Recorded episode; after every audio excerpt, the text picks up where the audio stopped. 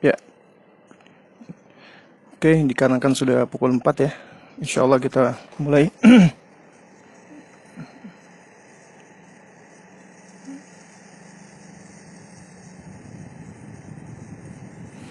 ya. Bismillah. Assalamualaikum warahmatullahi wabarakatuh. Innal hamdalillah nahmaduhu wa nasta'inuhu wa nastaghfiruh wa natubu ilaih ونعوذ بالله من شرور أنفسنا ومن سيئات أعمالنا. من يهده الله فهو المهتد ومن يضلل فلن تجد له وليا مرشدا. أشهد أن لا إله إلا الله وحده لا شريك له وأشهد أن محمدا عبده ورسوله. لا نبي بعده أما بعد فإن أصدق الكلام كلام الله وأحسن الهدى هدى محمد صلى الله عليه وعلى آله وصحبه. wasallam wa syarrul umuri muhdatsatuha wa kullu muhdatsatin bid'ah wa kullu bid'atin dhalalah wa kullu dhalalatin finnar. Amma ba'du. Uh, ikhwatal kiram para aba para ummahat ikhwan dan akhwat sahabat-sahabat kaum muslimin yang dimuliakan Allah Subhanahu wa taala di mana pun antum berada alhamdulillah. Di sore hari ini ya kita masih diizinkan Allah untuk uh, melanjutkan kembali kajian kita masih membahas kutayib al-arba'un al-jiyad fi tarbiyatil aulad 40 hadis seputar pendidikan anak ya. Yang mana kita di kesempatan ini sudah sampai hadis yang ke-38 ya ini adalah tiga hadis akhir ya sebelum kita menyelesaikan risalah atau kutayib ini.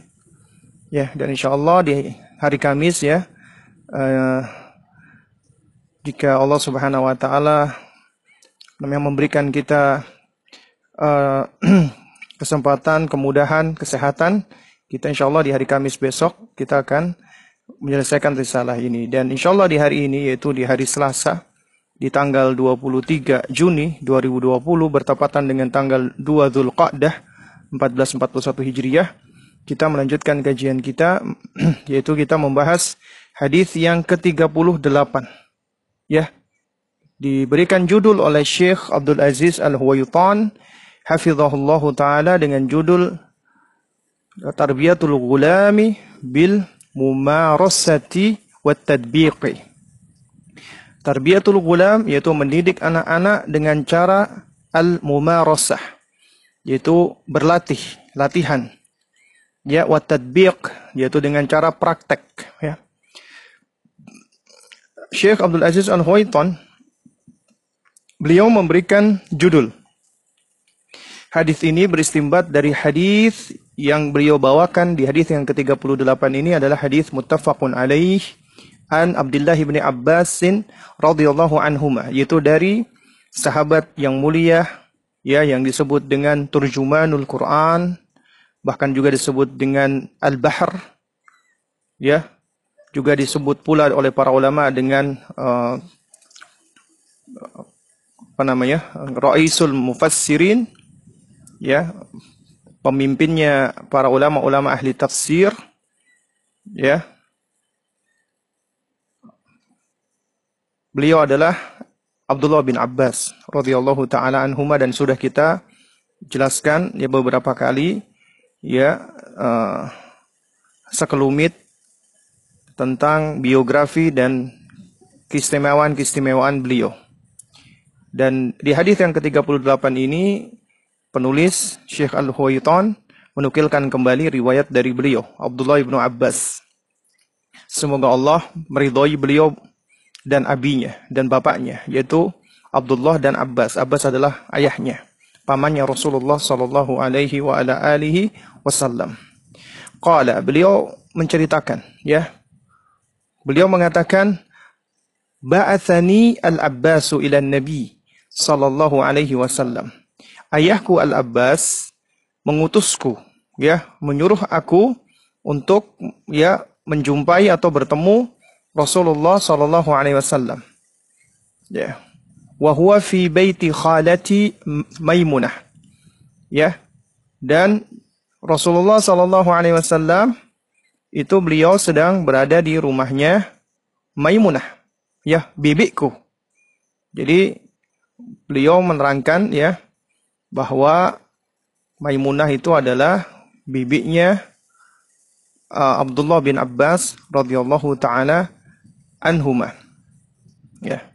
Kalau kita perhatikan ya, di dalam bahasa Arab kata paman atau bibi itu dia datang dengan dua lafat yang menunjukkan sedikit perbedaan. Yaitu kata apa namanya? am untuk paman atau apa namanya? atau amati atau uh, apa namanya itu amah ya artinya bibi atau khol paman atau khalah ya artinya juga sama bibi nah yang membedakan adalah kalau am am itu adalah saudaranya ayah ya atau uh, apa namanya amah itu adalah saudarinya ayah. Tapi kalau khol adalah saudaranya ibu, kalau khalah adalah saudarinya ibu ya. nah, jadi ternyata ya saudara dari dari bapak dengan saudara dari ibu itu di dalam bahasa Arab memiliki sebutan yang berbeda ya, yang tidak sama ya. Nah, di sini yang menunjukkan bahwasanya Maimunah itu adalah khalah bibi dari Abdullah ibnu Abbas. Berarti dia adalah saudarinya siapa? Ibunya. Ibunya Abdullah ibnu Abbas radhiyallahu taala anhuma. Nanti kita singgung sedikit ya tentang ibunda Maimunah radhiyallahu taala anha. Ya intinya di sini Abdullah bin Abbas bercerita ya bahwasanya abiku bapakku Al Abbasu ba'athani ila Nabi sallallahu alaihi wasallam. Ya, ayahku itu memberi uh, mengutusku untuk menjumpai Rasulullah SAW. Wa huwa fi baiti khalati Maimunatah. Dan Nabi ketika itu berada di mana? Di rumah bibiku, ya, Maimunah. Kemudian Abdullah bin Abbas menceritakan, ya, Fabittu ma'ahu tilka ya maka aku pun menginap bersama beliau di malam itu yaitu di rumahnya Maimunah. Ya. Dan Abdullah bin Abbas itu kalau kita perhatikan di dalam riwayat-riwayatnya beliau sering menceritakan ya beliau sering membersamai Nabi dan nginep di rumahnya Nabi yaitu di rumah bibinya Maimunah. Ya nah kemudian Abdullah bin Abbas ya ketika diutus oleh ayahnya untuk menjumpai Rasulullah kemudian akhirnya beliau nginep nginep di rumahnya ya bibinya Maimunah Ya, kemudian nah coba perhatikan ini. Ya. Ya. Fabittu ma'ahu tilka laila. Aku pun tidur bersama Nabi ya di malam itu. Faqama yusalli minal laili. Kemudian beliau bangun dan sholat di malam itu. Jadi perhatikan. Ibnu Abbas radhiyallahu taala anhuma ketika tidur di rumah Maimunah itu enggak cuman datang ke rumahnya tidur enggak.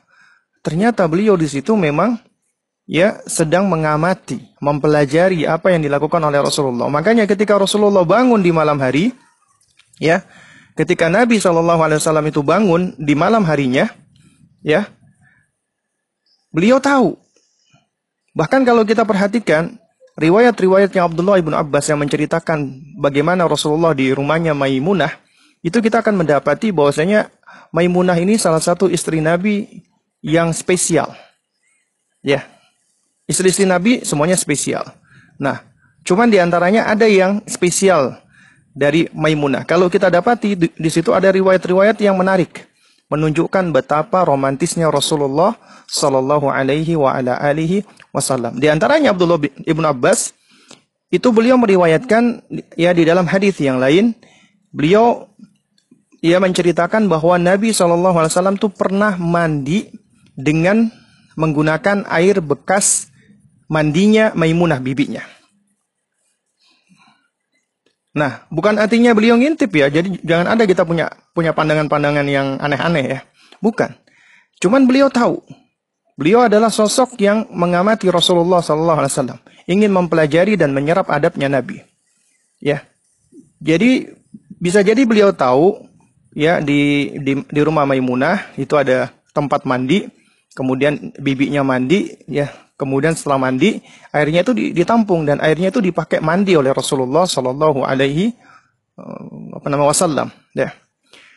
Dan juga di dalam riwayat yang lain juga disebutkan bahwasanya pernah Rasulullah dan bibinya mandi bersama di dalam satu apa tempat ya. Dan sekali lagi bukan artinya Abdullah bin Abbas ngintip enggak, beliau adalah anak yang cerdas. Ya, anak yang cerdas Allah karuniakan beliau kecerdasan sehingga beliau bisa tahu, beliau bisa memperkirakan. Ya, dan di riwayat yang kemarin sudah kita bahas, Nabi masuk ke kamar mandi, Abdullah bin Abbas langsung berinisiatif menyediakan al-wudu yaitu air wudu buat Nabi wasallam. Ya. Nah, jadi ternyata kita banyak mempelajari ya tentang uh, adab-adabnya Rasulullah wasallam selain dari istri-istri Nabi juga ternyata dari sahabat-sahabat kecil yang menjadi ponakan atau anak-anaknya Nabi wasallam. Ya, di antaranya Abdullah bin Abbas ini, ya. Nah, beliau menceritakan faqama yusalli minal laili Nabi pun ya bangun dan beliau sholat malam. Karena melihat Nabi sholat, maka Abdullah bin Abbas sebagai anak yang sedang mengamati Nabi, mencontoh Nabi, beliau belajarnya bermulazamah, ya, bermulazamah kepada guru yang paling spesial, guru paling istimewa Rasulullah. Ngelihat nih Nabi malam-malam bangun, sholat, maka segera beliau berwudu dan beliau langsung sholat, ya, berdiri Kata beliau, fakum tu an yasarihi. Aku pun langsung berdiri di sebelah kirinya. Karena beliau nggak nggak tahu. Intinya beliau ingin mengikuti Nabi sholat. Ya. Kemudian beliau ceritakan ya. Ya. Nah, setelah beliau berdiri di sebelah kiri Nabi, maka ya, fatanawalani min khalfi dhahrihi faja'alani ala yaminihi. Maka Nabi SAW itu menarikku atau memindahkanku dari arah belakangnya ya. Dari tangan Nabi mengambil ke arah belakangnya. Kemudian dipindahkan ke bagian kanannya Nabi. Karena di sini Nabi ingin mengajarkan sholat berjamaah untuk dua orang. Maka makmum berada di sebelah kanan rata, tidak di belakang. Ini yang diajarkan oleh Nabi SAW. Dan ini adalah hadis yang sahih, muttafaqun alaihi, diriwayatkan oleh Imam Bukhari dan Imam Muslim. Baik. Berkenaan dengan Abdullah ibn Abbas radhiyallahu taala anhuma, kita sudah bicara tentang beliau.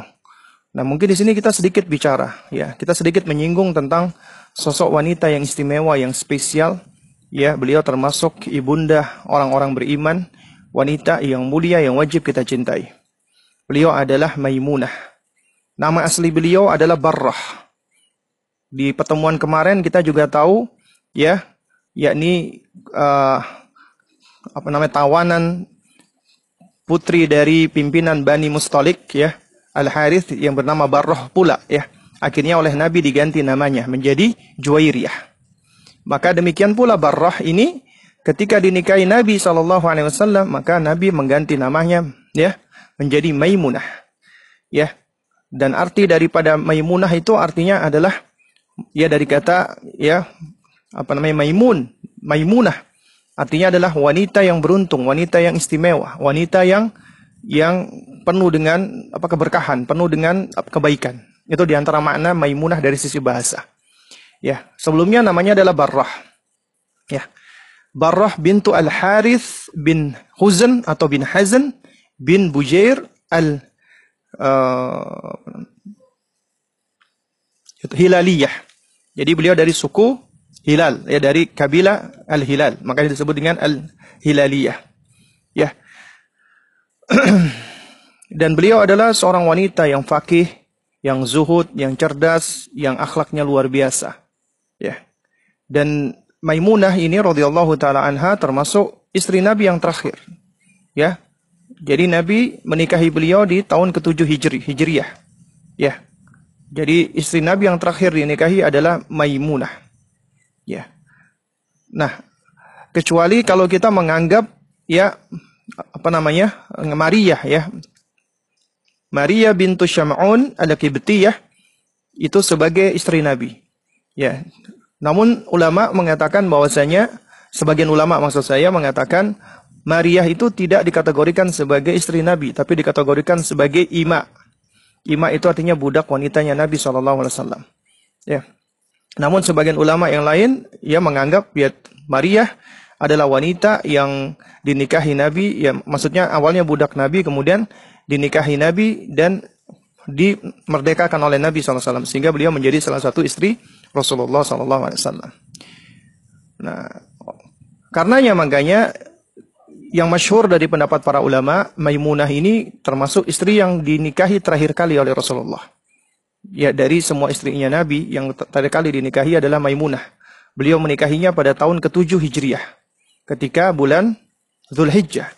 Pada saat Nabi sedang haji atau umrah ketika itu. Di tahun ke-7 Hijrah. Dan Nabi diberikan waktu oleh orang-orang Mekah ketika itu ada gencatan ya. Hanya tiga hari. Dan selebihnya Nabi harus meninggalkan Nah, ketika Nabi tiga hari berada di Makkah, itulah Nabi menikahi Maimunah.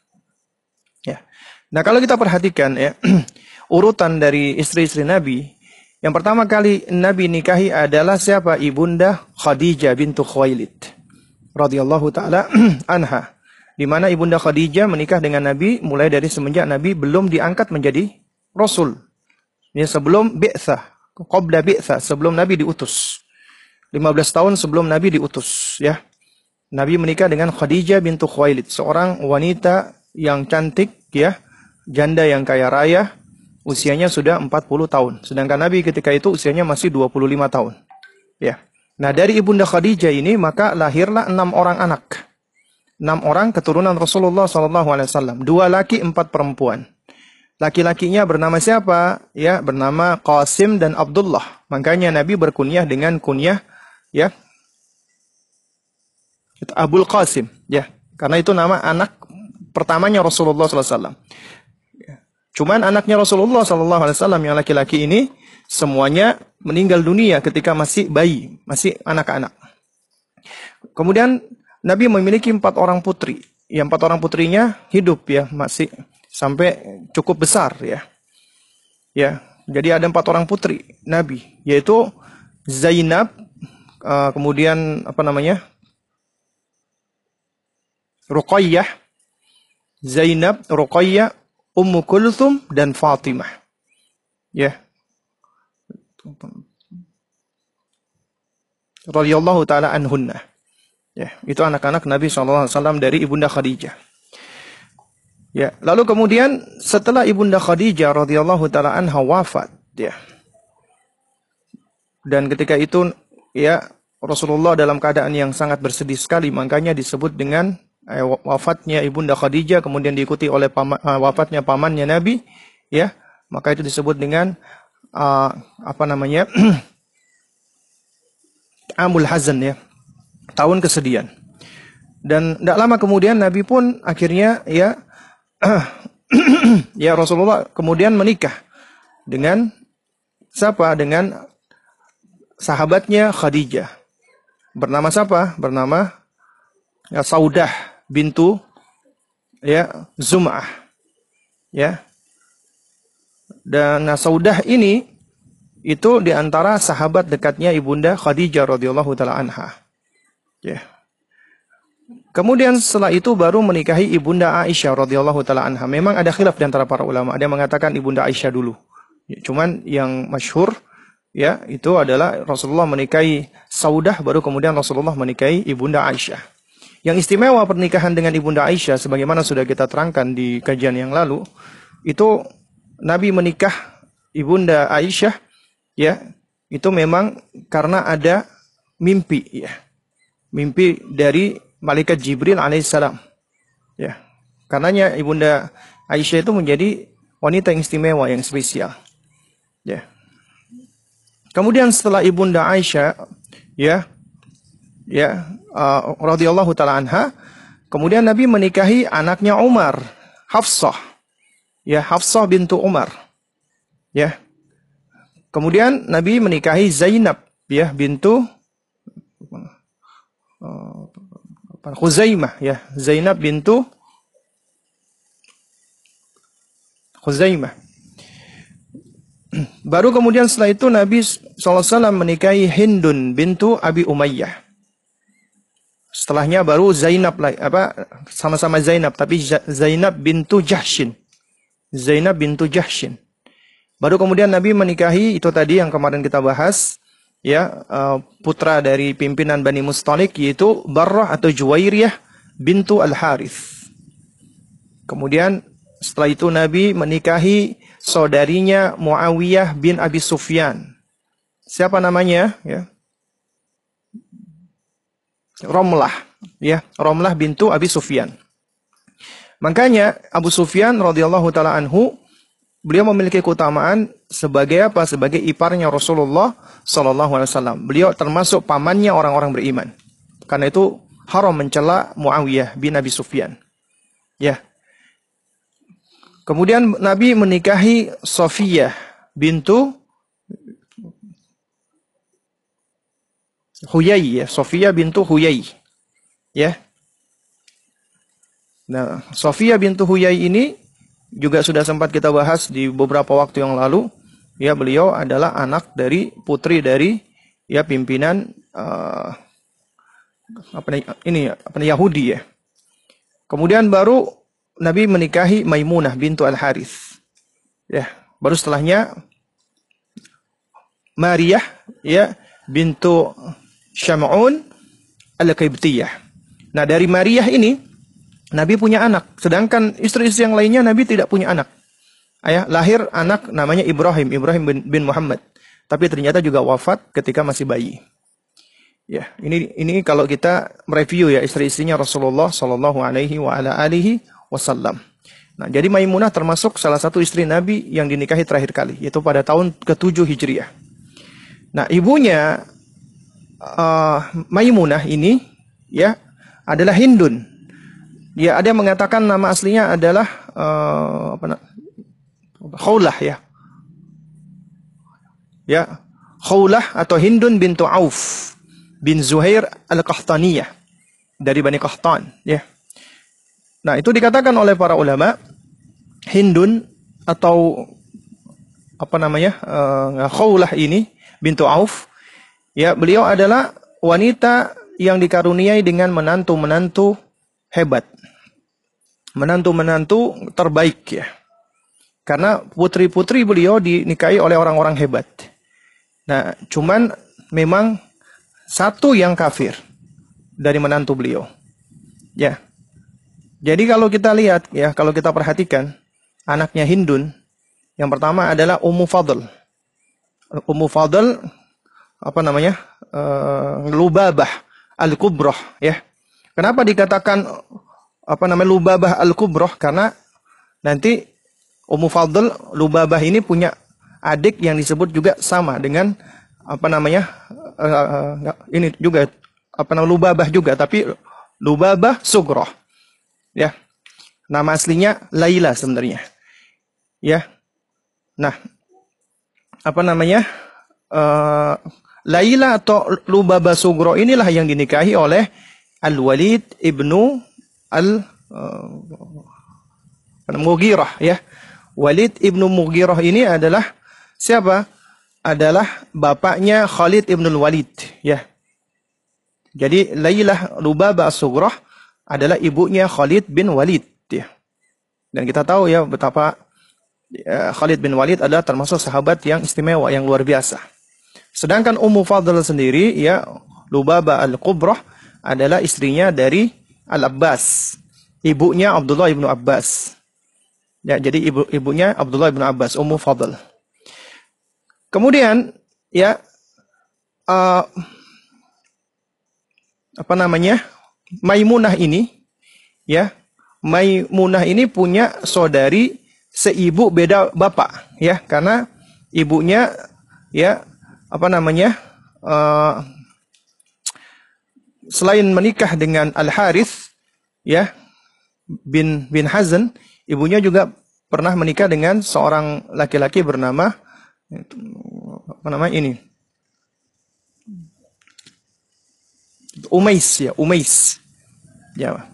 Nah dari suami yang bernama Umais ini Hindun memiliki putri yang bernama Salma Salma bintu Umais Salma bintu Umais ini dinikahi oleh Hamzah bin Abdul Muthalib. Kemudian ada Asma. Asma bintu Umais dinikahi oleh Ja'far. Ja'far bin Abi Talib. Kemudian dinikahi oleh Abu Bakar. Kemudian dinikahi oleh Ali. Ya. Nah, jadi kalau kita perhatikan ternyata Hindun ini luar biasa memiliki ya menantu-menantu yang hebat-hebat. Nah, kita kembali lagi ke Maimunah ya.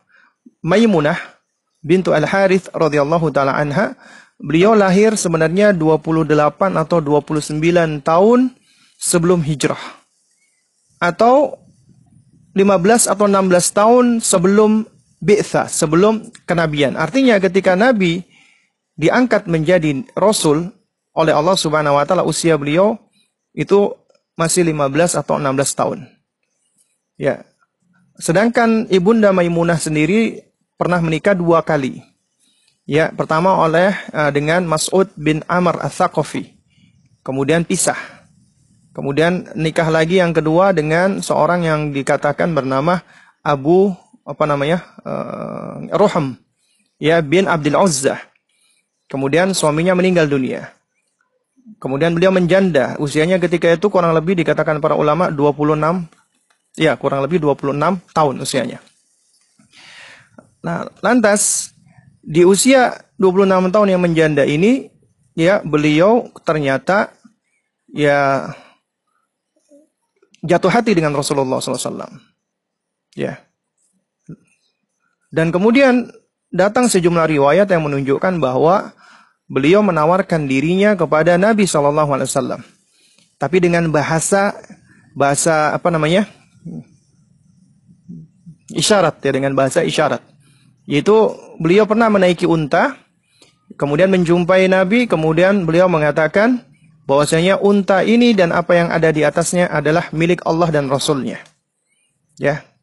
Dan kemudian juga beliau meminta tolong kepada kakak iparnya Al-Abbas, ya suami daripada kakaknya Ummu Fadl supaya bisa menyampaikan keinginannya untuk bisa dinikahi oleh Rasulullah yang untuk bisa dinikahi oleh siapa? Oleh Rasulullah Sallallahu Alaihi wa ala alihi Wasallam.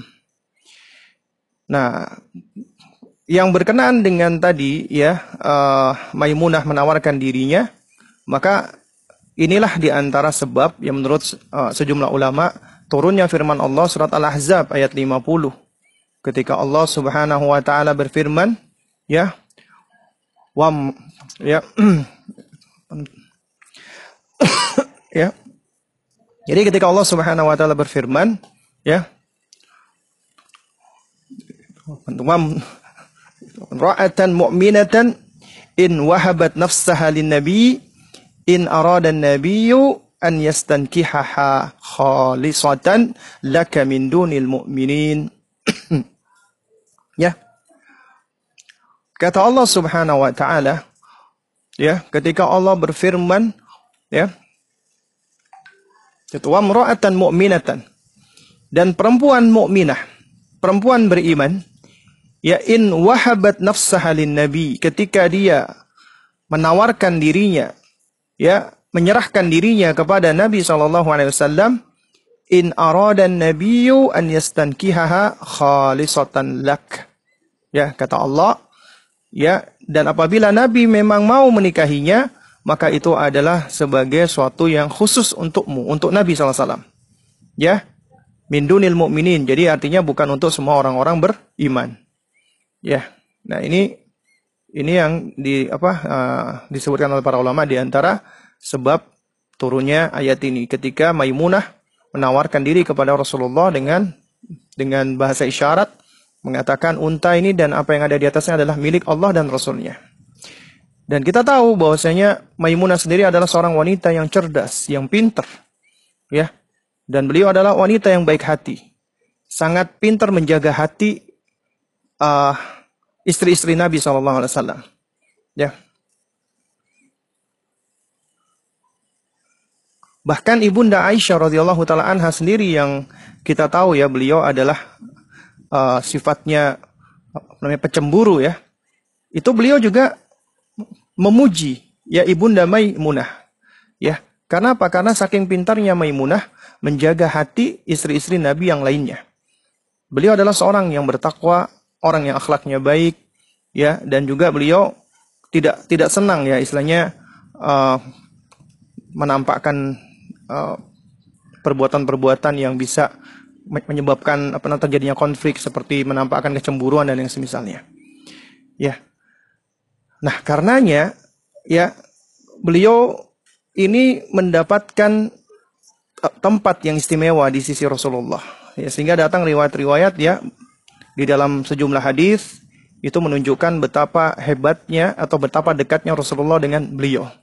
Nah, sedangkan Ibunda Maimunah radhiyallahu taala anha sendiri itu ya kalau tidak salah beliau jumlah hadisnya ada 13 hadis.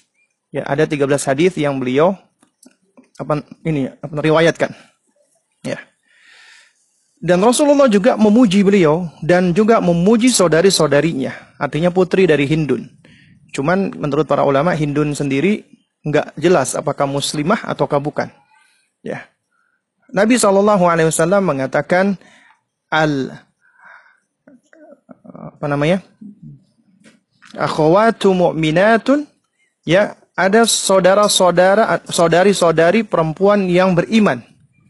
Siapa itu? Maimunatu zaujun Nabi. Maimunah istrinya Nabi. Wa Ummul Fadli bintul Harith. Dan Ummul Fadl kakaknya Maimunah. Yaitu Ummul Fadl bintul Harith. Wa Salma imra'atu Hamzah. Dan Salma bintu Umais so, uh, istrinya Hamzah, pamannya Nabi, wa Asma'u bintu Umais, ya, dan juga Asma bintu Umais. Istrinya Ja'far, kemudian Abu Bakar, kemudian Ali. Ya hiya ukhtuhunna li ummihinna. Mereka semua itu adalah saudara adalah saudari-saudari seibu. Ya. Hadis diriwayatkan oleh Imam Hakim dan disahihkan oleh Syekh Albani sesuai dengan persyaratan Imam Muslim. Ya. Dan para ikhwas kalian, para abah dan para ummahat. Ya. Sesungguhnya ummahatul mukminin itu adalah wanita-wanita yang istimewa yang mulia. Nah, mereka adalah ibu-ibunya orang-orang beriman, makanya disebut dengan ummahatul mukminin. Dan ketika mereka ditinggal wafat oleh Rasulullah, maka tidak boleh ada seorang pun laki-laki yang bisa menikahi mereka. Ini sudah menjadi salah satu hukum syarak. Jadi tidak boleh jandanya Nabi dinikahi oleh siapa pun. Karenanya istri-istrinya Nabi ya yang masih hidup maka mereka hidup. Hidup dalam keadaan, dalam keadaan apa namanya? nggak boleh ada yang menikahi lagi. Ya. Itu adalah istri-istrinya Rasulullah SAW. Dan mereka itu adalah wanita-wanita yang mulia yang istimewa yang harus kita cintai karena Allah Subhanahu wa taala. Sebab mereka adalah sejatinya ya orang-orang atau wanita-wanita yang ya yang paling tahu, yang paling mengenal Rasulullah sehingga mereka ya bisa dikatakan adalah wanita-wanita yang paling tahu tentang hukum-hukum syariat, amalan-amalan dan sunnah-sunnah Nabi terutama di rumahnya. Makanya ketika para ulama memuji Ibunda Aisyah, dikatakan Ibunda Aisyah itu menyimpan nisful ilmi, menyimpan separuh ilmu di dalam Islam karena yang paling tahu tentang bagaimana Nabi SAW di dalam rumahnya adalah istri-istri Nabi. Ya. Yang paling tahu tentang apa yang dilakukan oleh Rasulullah dalam rumah adalah siapa istri-istri Nabi. Apa yang dilakukan Nabi ketika tidur, setelah tidur, kembali lagi tidur. Ya. Ya. Jadi ketika sebelum keluar rumah, kemudian balik lagi ke rumah, maka yang paling tahu tentang apa yang dilakukan oleh Nabi adalah istri-istri Nabi. Ya. Lalu kemudian Ibunda Maimunah radhiyallahu taala anha beliau wafat ya pada tahun 51 Hijriah. Tapi memang ada khilaf di antara para ulama. Sebagian ulama mengatakan beliau adalah istri Nabi yang paling akhir meninggal dunia. Namun sebagian lagi yang ada yang mengatakan ya uh, bukan Maimunah tapi Ummu Salamah. Kemudian ada ada pula sebagian ulama lain lagi yang mengatakan bahwasanya ya jadi Maimunah lebih dulu wafat dibandingkan ibunda Aisyah radhiyallahu taala anha. Cuman pendapat yang masyhur adalah Maimunah termasuk wanita yang terakhir kali meninggal dunia. Beliau wafat pada usia 80 atau 81 tahun. Ya.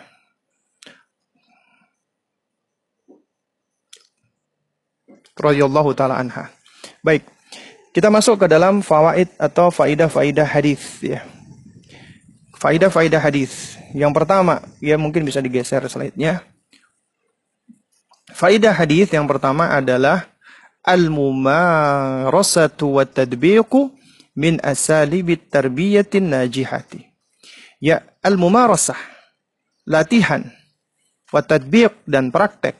Itu min asalib termasuk uslub-uslub atau termasuk metode-metode dari at-tarbiyah an-najihah, pendidikan yang sukses, pendidik, pendidikan yang efektif. Sebagaimana kita tahu semuanya, para ikhwan dan para akhwat, para abad dan para ummahat, manusia itu adalah makhluk pembelajar. Allah karuniakan ya berbagai macam kelebihan-kelebihan dan keistimewaan pada manusia. Allah karuniakan kepada kita adanya instrumen-instrumen untuk bisa mendapatkan pengetahuan atau ilmu. Ya. Allah karuniakan kepada kita ya pendengaran, penglihatan dan pemahaman atau akal. Sehingga dengan ini kita akhirnya bisa berusaha untuk memahami sesuatu. Ya, kita bisa ngerti tentang sesuatu. Ya. Jadi kita bisa mencari dan mendapatkan ilmu. Kita bisa memahami suatu hal, ya. Nah, tapi tentunya, ya, di dalam proses pencarian pengetahuan atau ilmu di sini, di situ ada tahapan-tahapannya. Ya. Dan kemudian juga ada cara-cara atau metode-metode yang dapat menguatkan atau mengukuhkan pengetahuan dan pemahaman itu. Itu loh. Nah, di antaranya apa? Di antaranya adalah pengetahuan atau ilmu tersebut harus dia praktekkan, harus dia amalkan. Karena percuma kalau dia punya pengetahuan, punya ilmu, tapi nggak dia praktekkan dan nggak dia amalkan. Ya. Jadi di sini ternyata ada tahapan-tahapan dan jenjang-jenjang di dalam meraih atau mendapatkan ilmu. Ya. Nah, makanya ya uh, ya Imam Syakik Al-Balkhi rahimahullahu taala Ya, beliau mengatakan bahwasannya ad-dukhulu fil amali ya bil ilmi wasabatu fihi bis sabri ya wa taslimu ilaihi bil ikhlasi. Masuk ke dalam amalan itu ya hendaknya diawali dulu dengan ilmu sebelum beramal maksudnya. Sebelum kita memasuki perbuatan atau beramal maka harus diawali dengan ilmu Kemudian as-sabat fihi. Kemudian kita terus sabat, istiqomah, terus kokoh di dalam mengamalkannya. Ya. Wat taslimu ilaihi bil ikhlas, ya. Lalu kemudian kita serahkan kepada Allah. Ya, taslim ya yaitu apa? Yaitu dengan cara mengikhlaskan semuanya karena Allah. Kemudian kata beliau apa namanya?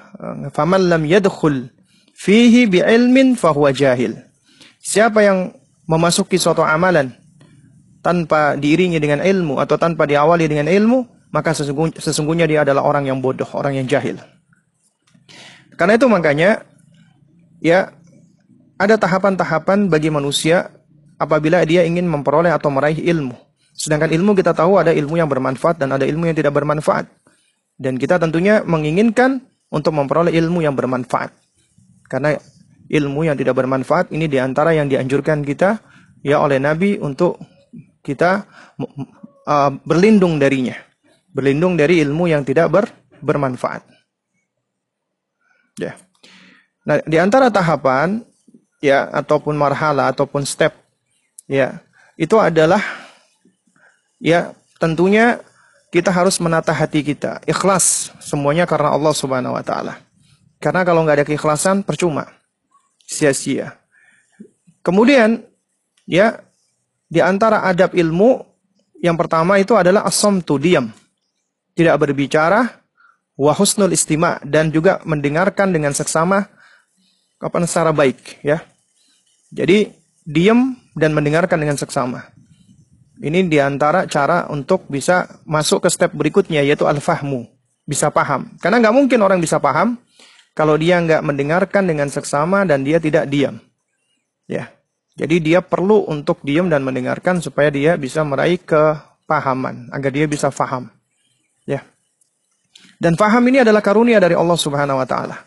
Karena betapa banyak orang yang mendengarkan sesuatu, melihat sesuatu, tapi ternyata dia masih belum ngerti, masih belum paham ataupun mungkin ya apa namanya pemahamannya itu berbeda-beda dan bertingkat-tingkat antara satu dengan yang lainnya. Makanya pemahaman itu termasuk karunia dari Allah Subhanahu wa taala.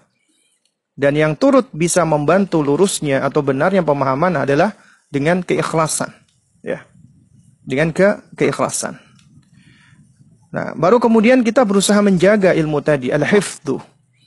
Nah, nah, di antara cara menjaga ilmu kita adalah dengan cara al-kitabah. Kita menulis. Makanya Nabi pernah menasehatkan, eh, pernah menasehatkan qayyidul ilma bil kitab. Ya, ikatlah ilmu itu dengan cara menuliskannya atau mencatatnya. Ya, itu cara kita menjaga ilmu tadi.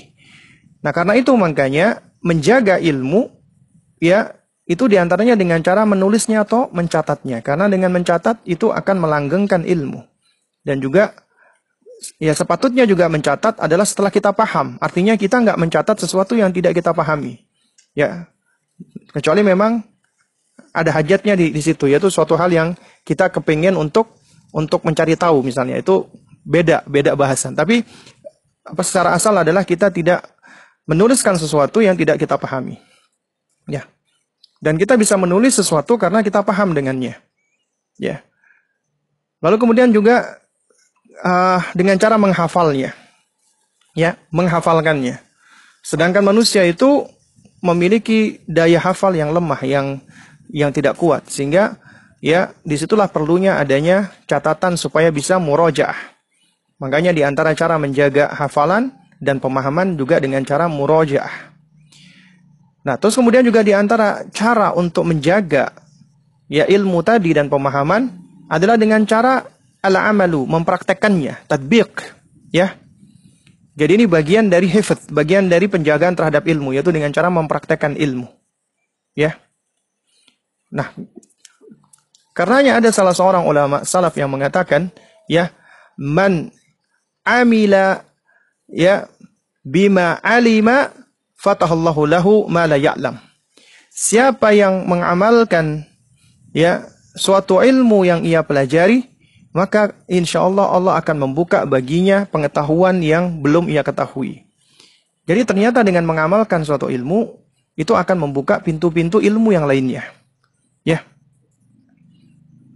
Nah juga demikian ya Al Imam Malik bin Dinar misalnya beliau mengatakan man talabal ilma lil amali ya siapa yang mencari ilmu Tujuannya untuk bisa mengamalkan ilmu tersebut ya, kata Malik bin Dinar.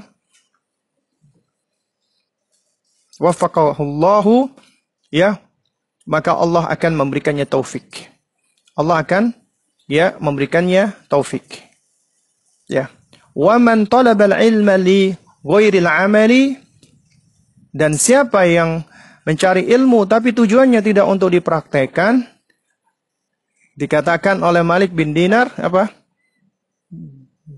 Yazdadu bil ilmi fakhran. Maka ilmunya itu akan menambah kesombongan saja.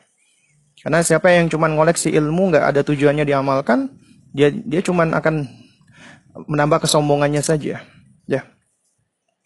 Ya. Nah, jadi inilah pentingnya untuk mempraktekkan ilmu. Nah, baru kemudian juga di antara cara kita menjaga, menjaga ilmu tadi adalah dengan cara ta'limuhu, mengajarkannya. Karena mengajarkan ilmu itu ya selain bisa menguatkan pemahaman kita dan juga bisa lebih melanggengkan ilmu kita tersebut dengan cara kita mengajarkannya, mendakwahkannya, ta'limuhu. Dan kita pun juga akan mendapat banyak pahala dengannya. Kita akan mengumpulkan pundi-pundi pahala dengannya. Baru kemudian kita bersabar. Nah, di sini ada hal yang penting yang perlu kita garis bawahi bersama adalah mempraktekkan atau mengamalkan ilmu itu hendaknya dilakukan setelah kita memahaminya. ya. Jadi jangan sampai kita mempraktekkan sesuatu yang belum kita pahami. Sedangkan paham ini kita peroleh dengan cara kita ya apa? Dengan cara husnul istima wasamti. Yaitu dengan diem dan mendengarkan dengan baik. Baru kita akan bisa mendapatkan pemahaman. Kalau enggak maka ya kita akan sulit mendapatkan apa namanya pemahaman karena kita tidak tidak beradab dengan ilmu. Yaitu ketika ada ilmu disampaikan malah kita ngobrol sendiri. Kita nggak mendengarkan dengan seksama. Maka akan sia-sia ilmu tersebut. Ya. Kemudian faedah yang kedua. ya Yang kedua adalah ya ta'widul gulami alal mas'uliyati bi irsalihi fil hajatil muhimmah.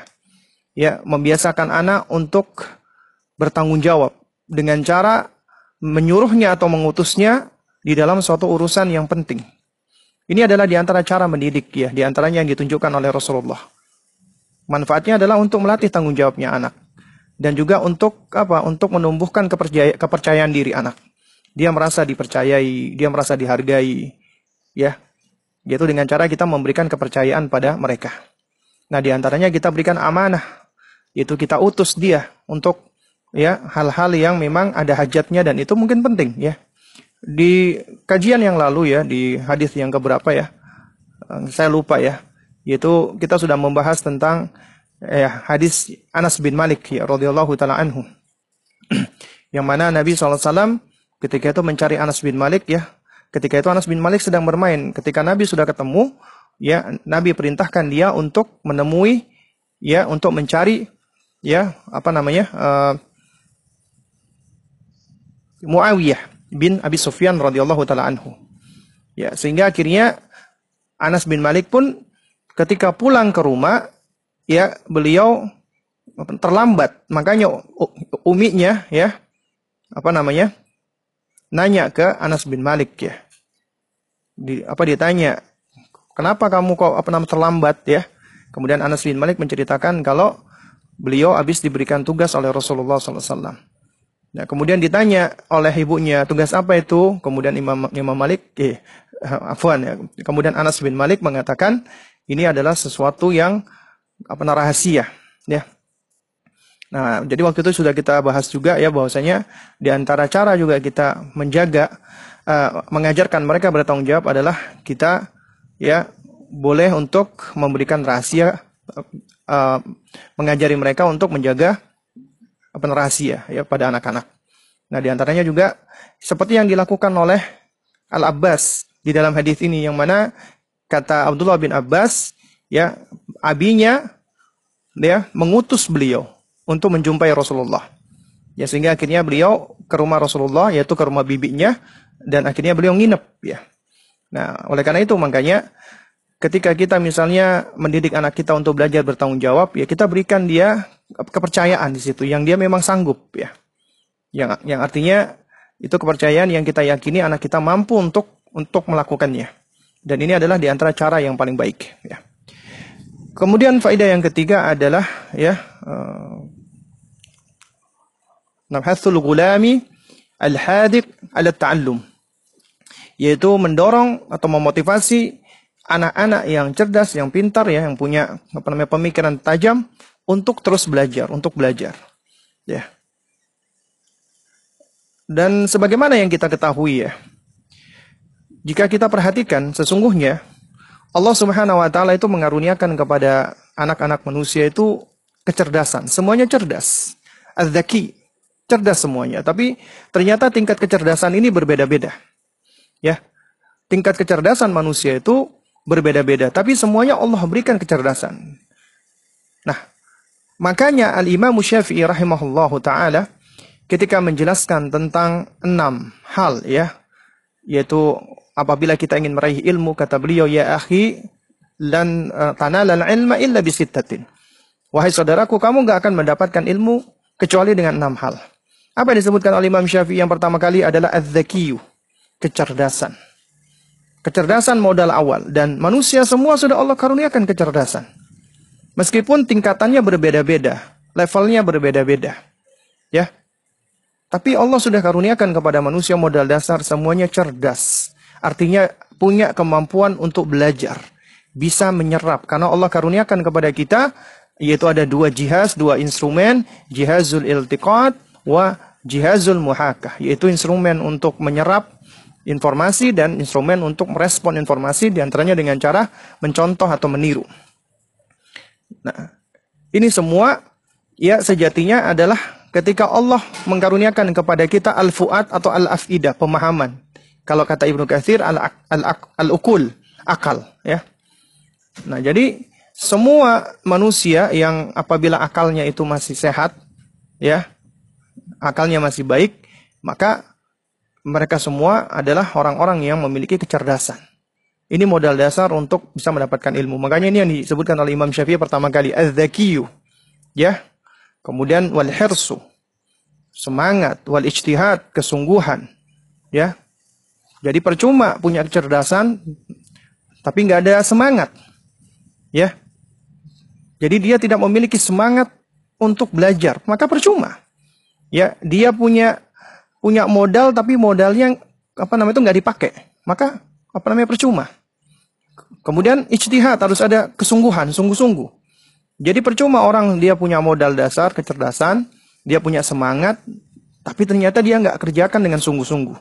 Dia kerjakan dengan males-malesan. Maka tentunya dia akan apa namanya merugi, ya. Baru kemudian setelah itu bulghatun atau dirhamun. Ya. Baru kemudian dia butuh apa? Butuh modal berupa uang. Karena kita belajar juga butuh dong namanya modal. Modal berupa harta untuk beli buku. Bahkan para ulama dulu untuk mencari satu hadis mereka harus melakukan perjalanan berbulan-bulan. Menjual buku apa menjual rumahnya, menjual kudanya, menjual ini dan itu. Ya, karena memang ilmu itu diraih harus dengan upaya, dengan daya dan upaya. Ya. Nah, setelah itu baru dengan yang kelima adalah dengan irsyadul ustadz, di bawah bimbingan seorang guru. Artinya ketika Anda belajar harus ada gurunya. Ya, karena guru ini yang akan kita ambil nanti ya, ilmu dan adabnya, adab dan ilmunya. Ya, dan juga guru inilah yang sebenarnya ya mereka dengan pengetahuannya yang mereka mereka itu adalah orang-orang yang lebih dulu berilmu, yang yang lebih dulu ngerti dibanding kita. Sehingga tentunya pengalaman mereka juga lebih banyak dibandingkan kita. Nah, karena itu makanya uh, kita ketika belajar itu itu bukan cuma sekedar butuh konseptual ilmunya saja, tapi juga kita butuh bagaimana contoh-contoh praktikalnya, contoh-contoh prakteknya dan ini bisa kita ambil dengan cara kita membersamai seorang guru. Ya. Kita bermula zamah atau kita belajar pada seorang guru. Ya. Dan ini yang dipraktekkan oleh para ulama-ulama kita dahulu, ulama-ulama salaf dahulu. Baru kemudian tulus zaman, waktu yang panjang, waktu yang lama. Nggak bisa singkat, nggak bisa instan. Ya. Nah ini di antara yang disebutkan oleh Imam Syafi'i ya. Nah ada enam hal ya. Nah oleh karenanya makanya manusia itu sebenarnya sudah punya kecerdasan gitu loh.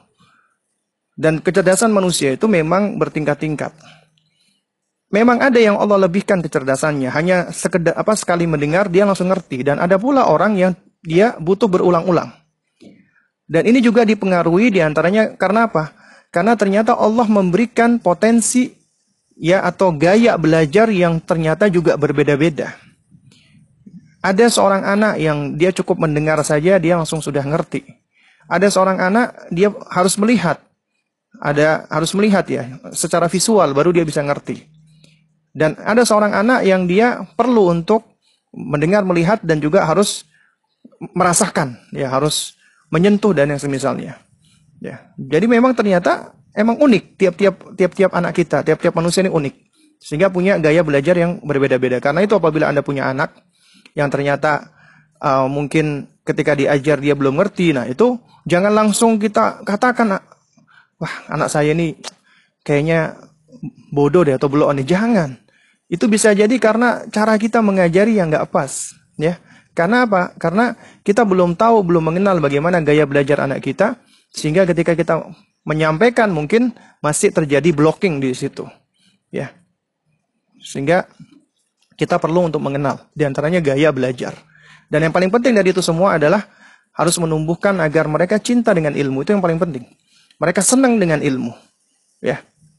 Anda kalau ingin ya membuat anak Anda anak-anak Anda itu senang membaca, keran, apa keranjingan membaca, dari kecil harus sudah dibiasakan meskipun mereka sudah apa meskipun mereka masih belum bisa baca, ya. Anda sudah tunjukkan bahwasanya buku itu adalah sesuatu yang sangat bermanfaat. Ketika mereka akan tidur bacakan buku misalnya ya lalu kemudian uh, kita sering memperlihatkan ya di hadapan mereka kita baca baca buku.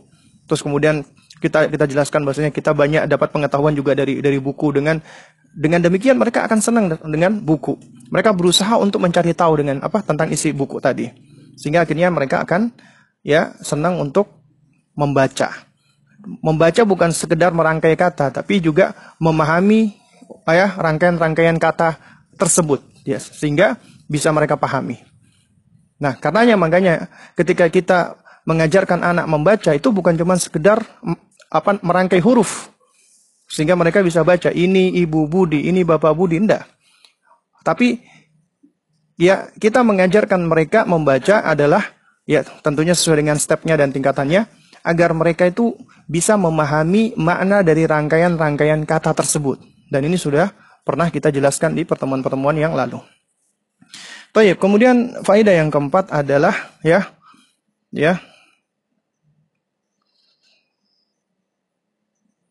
ya muamalatus sagiri al-mumayyiz fi umuril ibadati kal kabiri yaitu kita berinteraksi atau memperlakukan anak yang sudah mumayyiz ya khususnya di atas tujuh tahun di dalam urusan ibadahnya itu kita perlakukan sama seperti orang dewasa. Ya. Wa apa namanya?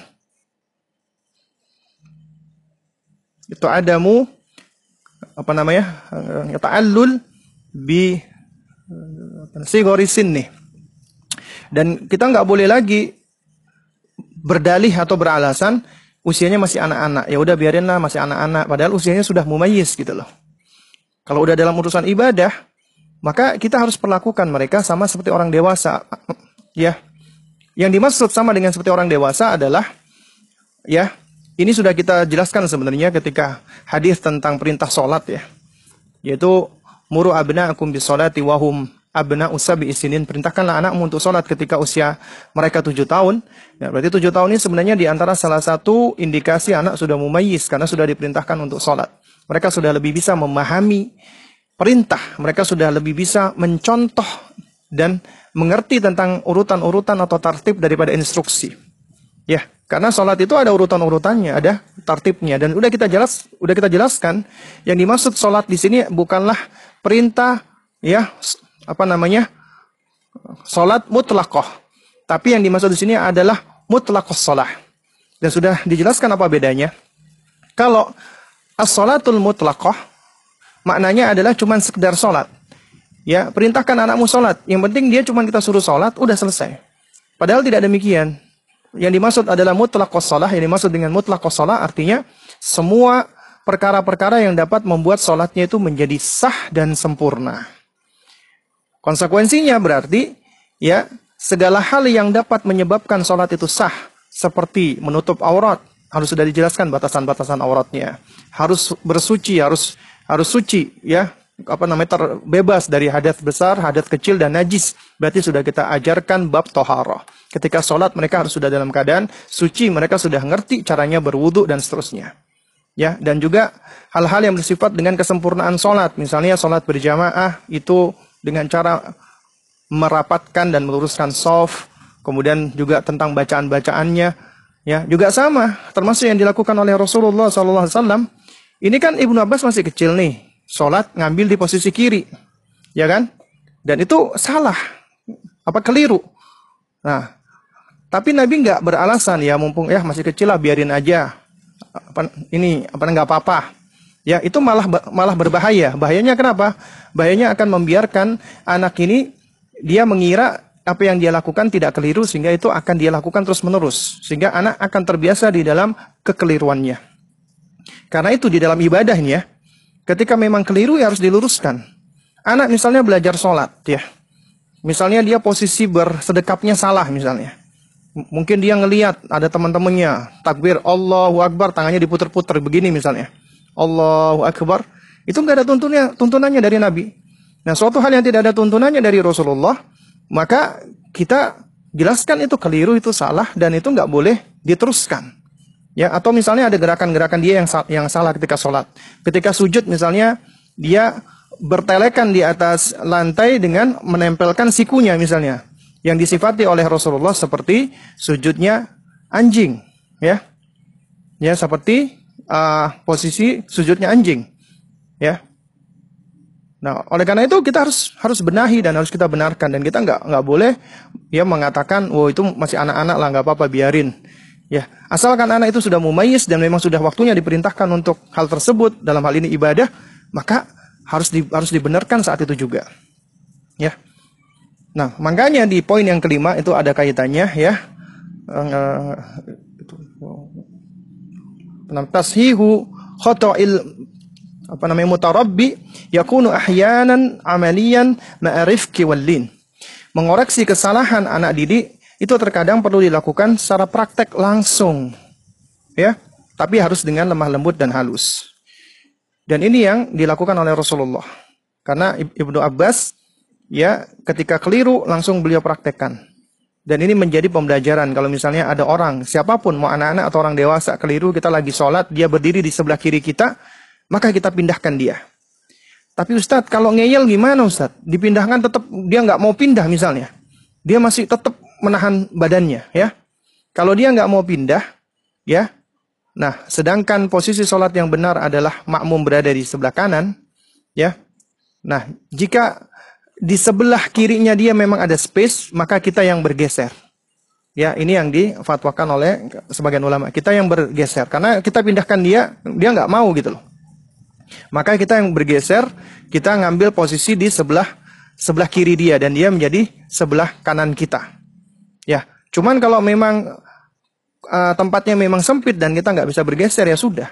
Kita sudah melakukan apa kewajiban kita kita sudah mencontoh tuntunan Nabi tapi ternyata orang tersebut dia tidak mau ya kewajiban kita sudah gugur sholat kita insya Allah sah. Dan seandainya berdosa yang berdosa adalah dia. Selepas sholat maka kita jelaskan kita terangkan. Dengan menjelaskan dan menerangkan mudah-mudahan kita bisa mendapatkan pahala.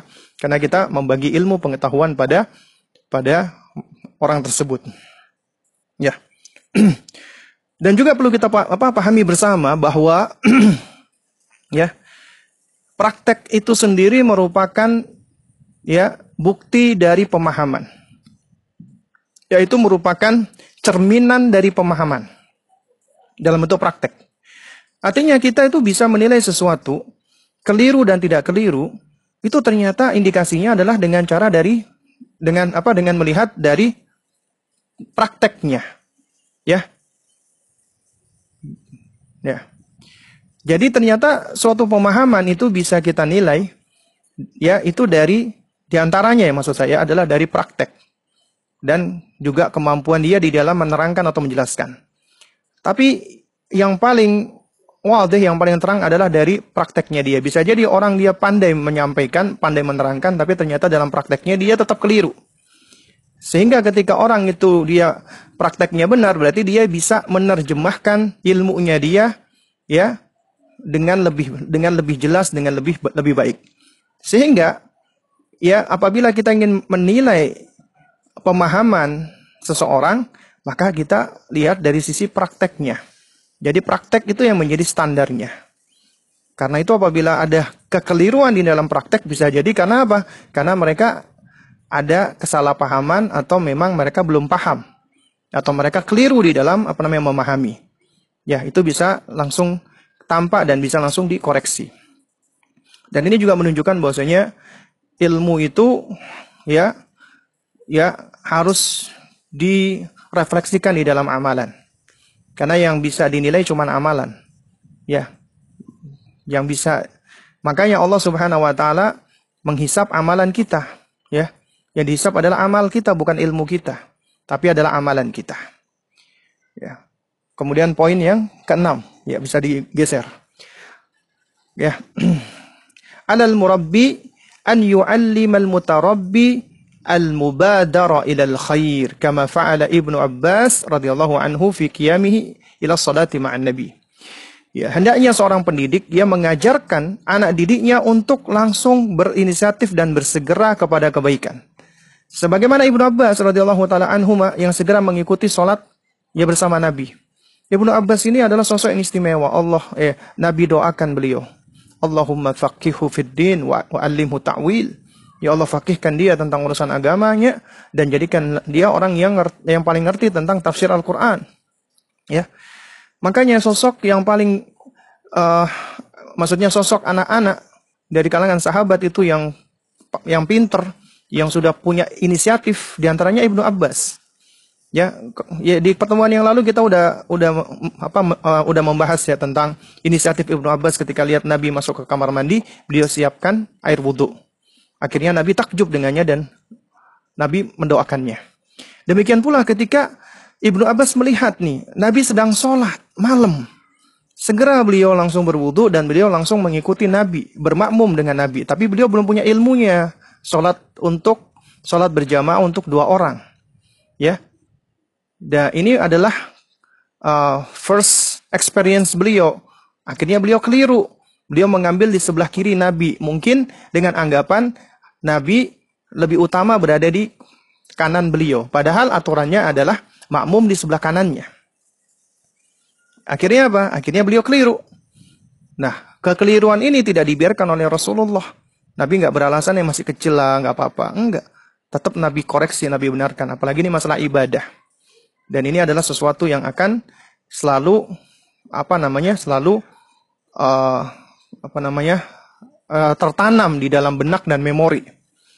Akhirnya Rasulullah benarkan saat itu juga. Enggak, Nabi nggak nunggu sholatnya selesai dulu, enggak. Nabi nunggu salam baru dikasih tahu. Ya Abdullah, ya, apa ya Abdullah bin Abbas, ya kamu tadi keliru, kamu tadi seharusnya ngambil kanan, bukan di bagian kiri. Nabi tidak menunggu sholatnya selesai, enggak. Karena kekeliruan saat itu adalah ketika dia sholat, ya maka saat itu pula langsung dibenarkan oleh Rasulullah. Karenanya ada kesalahan-kesalahan apalagi dalam hal ibadah itu yang nggak bisa ditunda.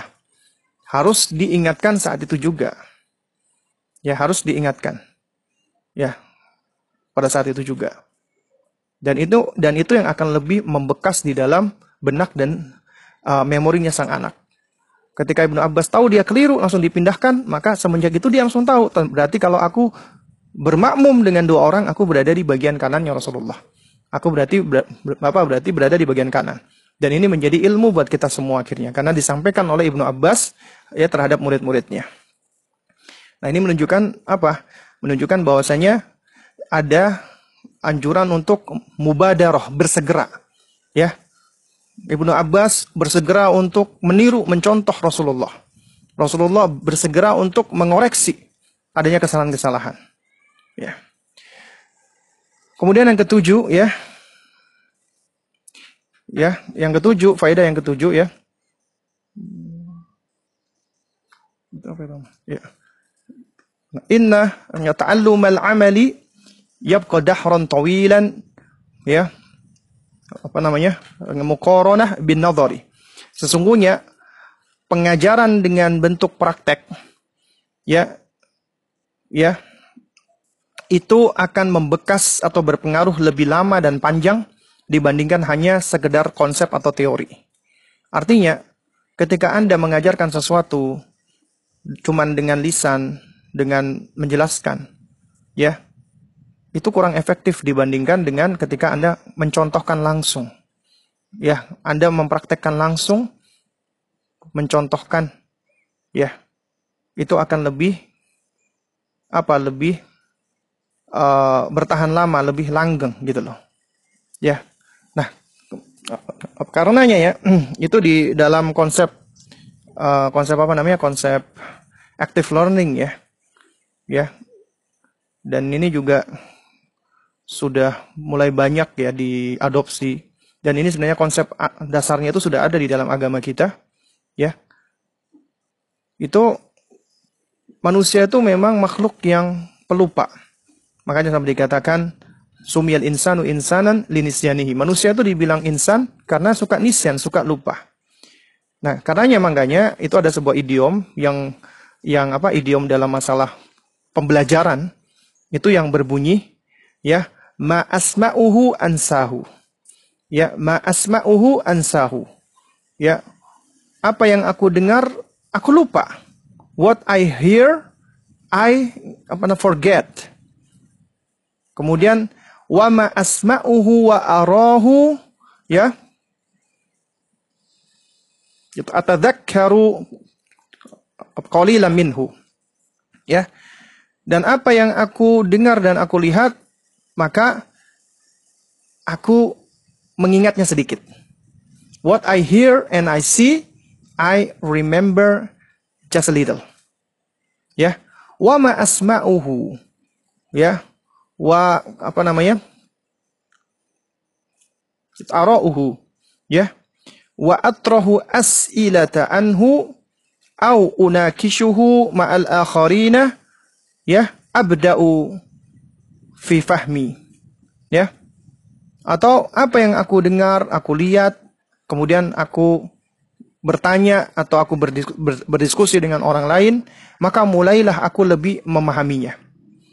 What I hear what I see and I ask question and then I discuss with the others and then I begin to understand.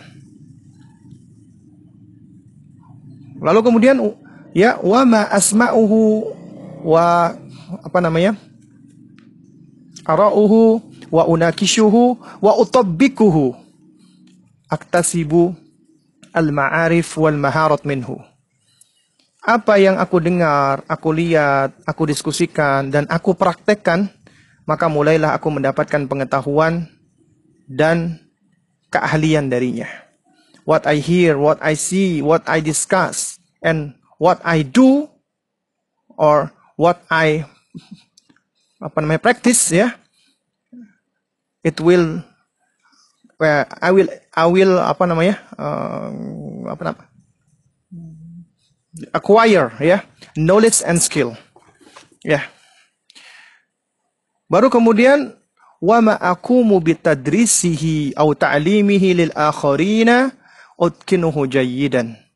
Nah ketika aku sudah mulai mengajarkannya ya dan menjelaskan kepada orang lain maka aku pun menjadi lebih mantap lebih menguasainya ya makanya dikatakan And then after I teach to another, I master it.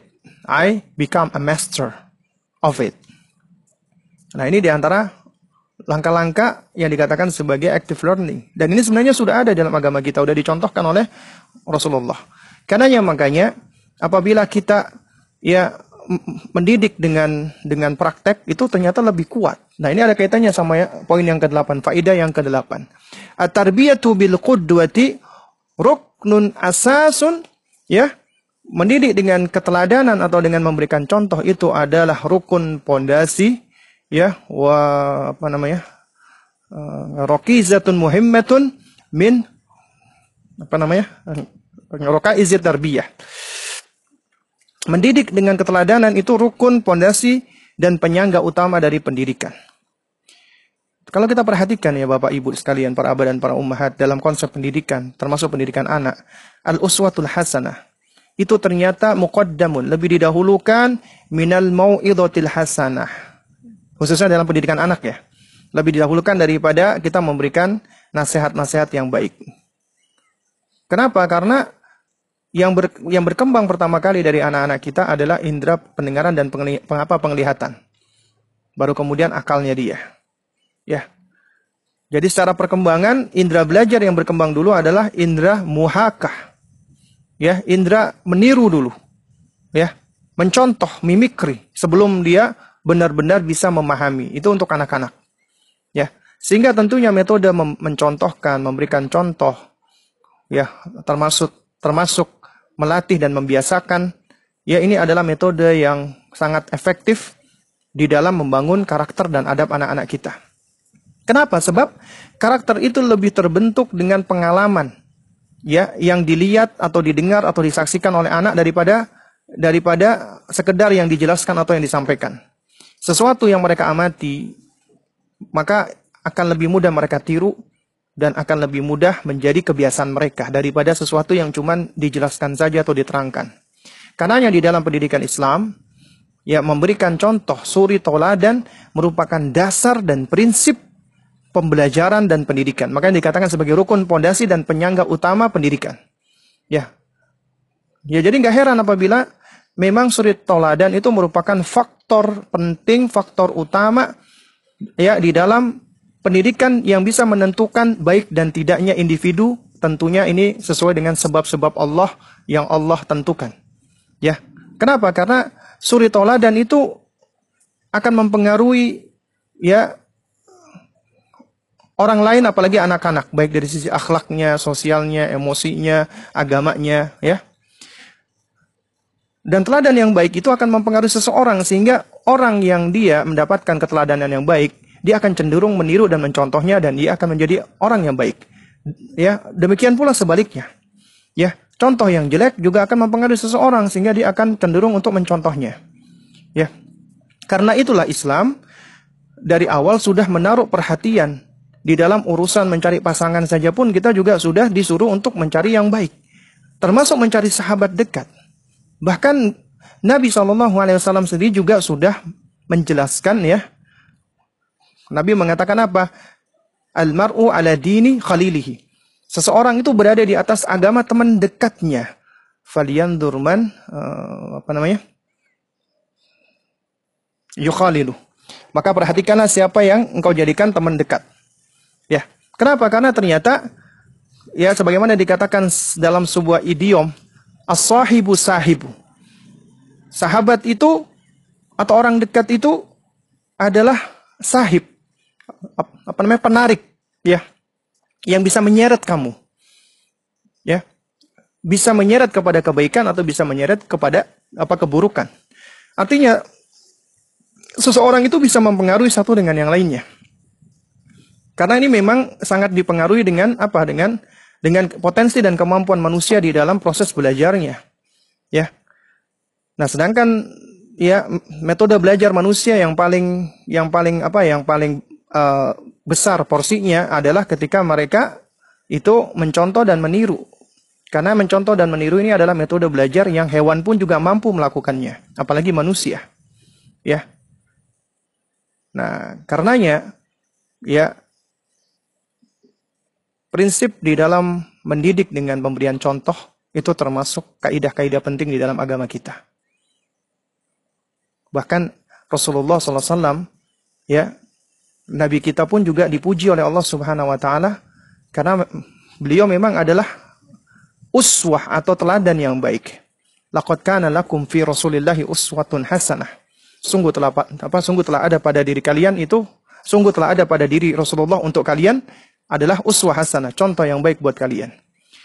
Demikian pula Nabi Ibrahim alaihissalam sebagaimana Allah sebutkan dalam surat Al-Mumtahanah Qad kanat lakum uswatun hasanatun fi Ibrahim walladzina ma'ahu.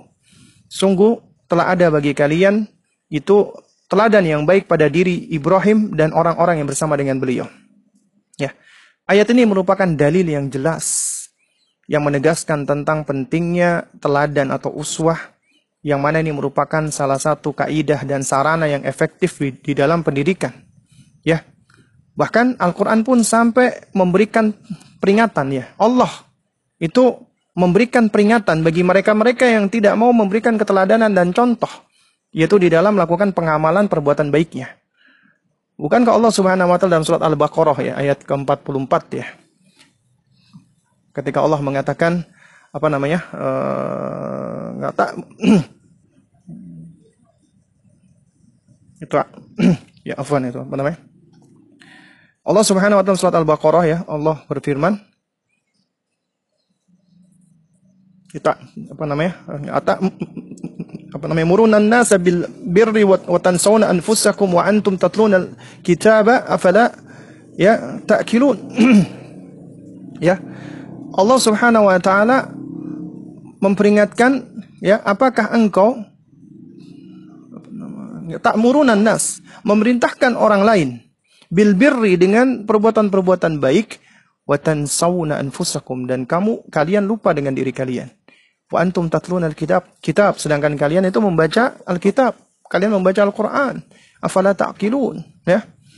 Juga di dalam surat Saf ya, ayat kedua sampai ketiga Allah mengatakan ya ayyuhalladzina amanu lima taquluna ma la taf'alun. Wahai orang-orang yang beriman, kenapa kamu ya menyampaikan atau mengatakan sesuatu yang tidak kamu kerjakan? Kabura maktan indallahi an taqulu ma la taf'alun. Sungguh amat besar kemurkaan Allah.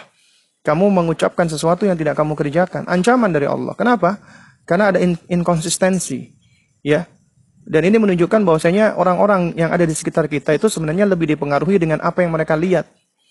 Dan ketika mereka melihat sesuatu yang berbeda dari perbuatan kita dengan apa yang kita ucapkan, maka tentunya ini akan menjadi bumerang. Ya.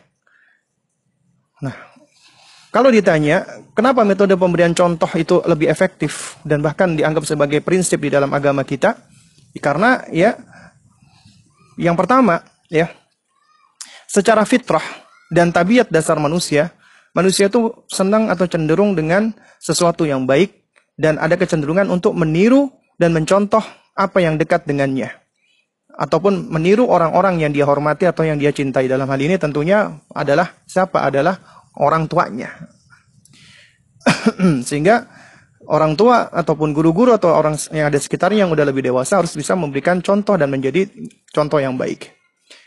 Kemudian yang kedua, Ya, secara perkembangan instrumen atau alat-alat manusia untuk belajar yang dikatakan ada dua macam yaitu jihazul iltiqat wa jihazul muhakah yaitu alat untuk menerima maklumat dan alat untuk meresponnya yaitu dalam bentuk meniru ya. Nah, ini menunjukkan bahwasanya metode belajar manusia yang paling yang paling efektif dan ini apa dan juga ini suatu hal yang paling sederhana bahkan adalah mereka melihat, mengamati dan mereka meniru, ya. Sehingga tentunya memberikan contoh apalagi untuk anak-anak adalah suatu hal yang niscaya di situ. Lalu kemudian juga poin yang ketiga, ya sesuatu yang sekedar diterangkan, dijelaskan secara konseptual, gak akan bisa diikuti, gak akan bisa dipahami secara sempurna kecuali dicontohkan dan dipraktekkan. Kecuali ditunjukkan contohnya. Karena penjelasan-penjelasan itu cenderung abstrak.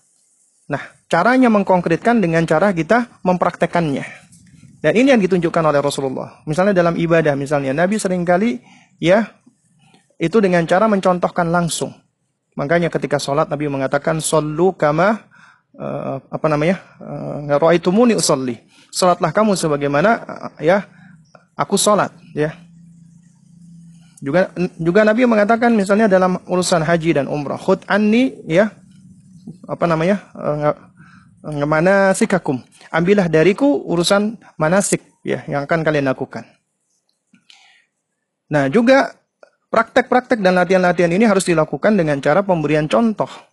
Dan ini harus dilakukan dengan berulang-ulang. Ada tikror, istimror, continue, berkesinambungan, dan harus bersabar. Tidak tergesa-gesa, tidak instan. Ya. Nah, dan ini juga nanti akan membentuk apa? Membentuk pengalaman. Karena selain ilmu itu pengalaman yang juga akan ya akan memberikan uh, manfaat. Baik. Wah, ini sudah setengah enam ya. Faidah yang kesembilan ya. Ini uh, bahasanya ke arah fikih ya. Jadi dua dua faidah yang terakhir ini adalah ke ke apa ke perkara fikih ya.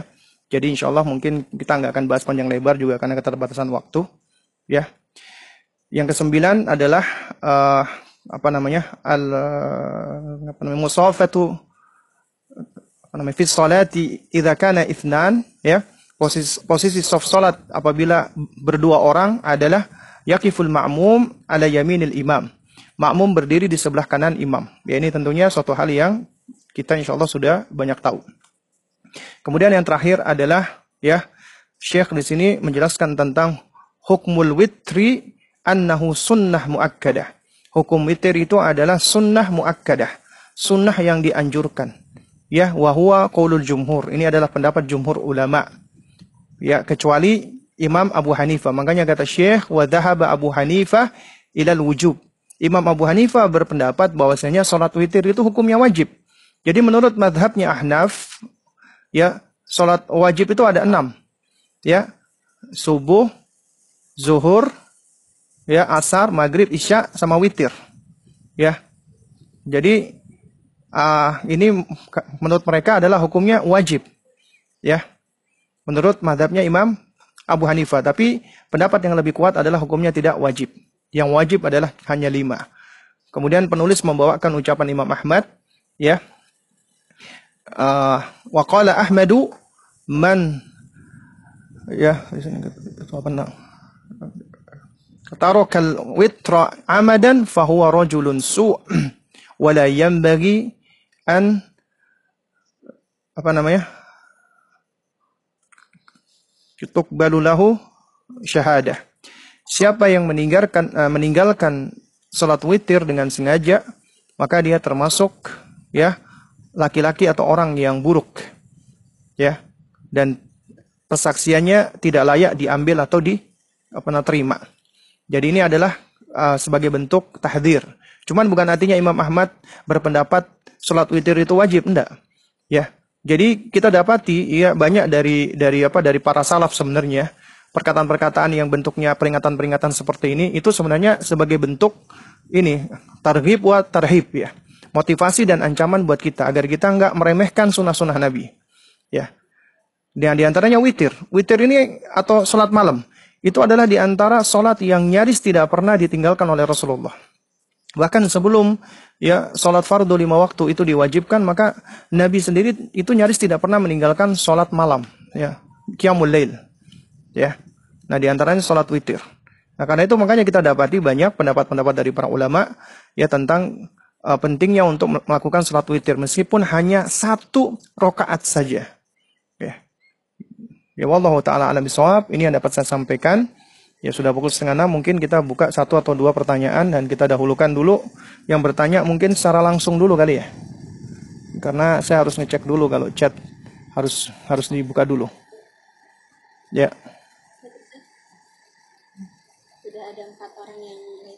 Ya, uh, silakan dipilih dan kalau bisa dari empat yang resen itu dipilih yang jarang tanya dulu ya. Jadi maksud saya berikan kesempatan yang jarang bertanya.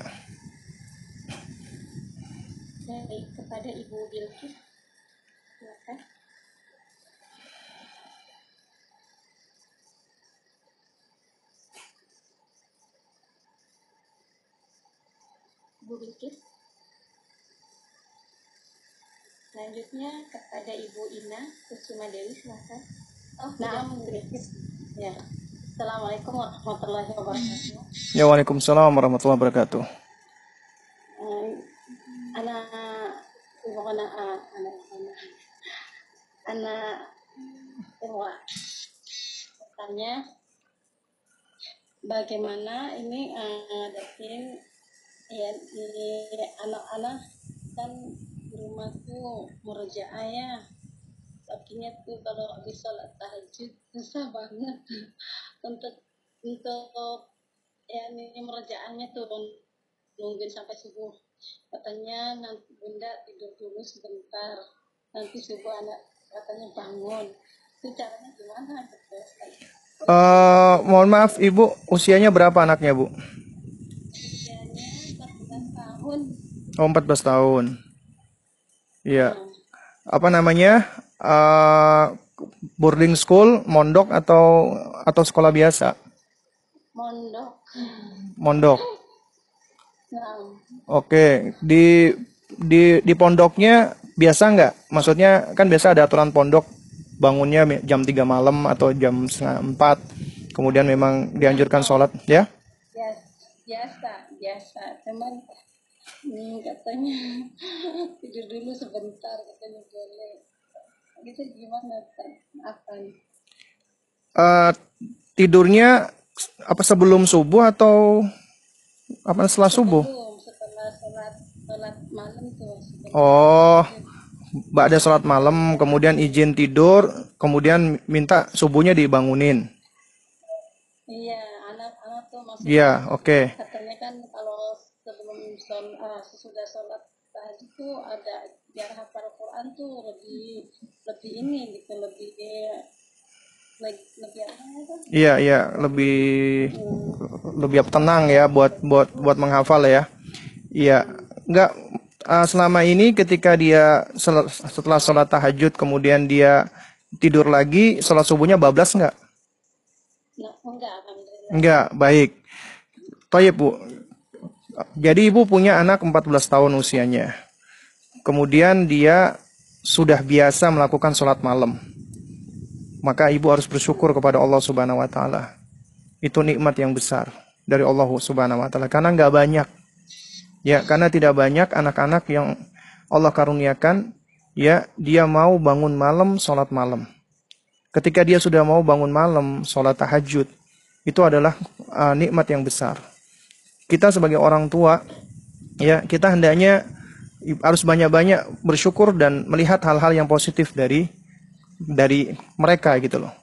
Terus kemudian ketika, mereka misalnya habis sholat tahajud, mereka kepingin untuk apa namanya istirahat dulu, apa namanya tidur dulu, ya. Sedangkan tidur pada sholat tahajud bukan suatu hal yang terlarang dan juga tidak makruh.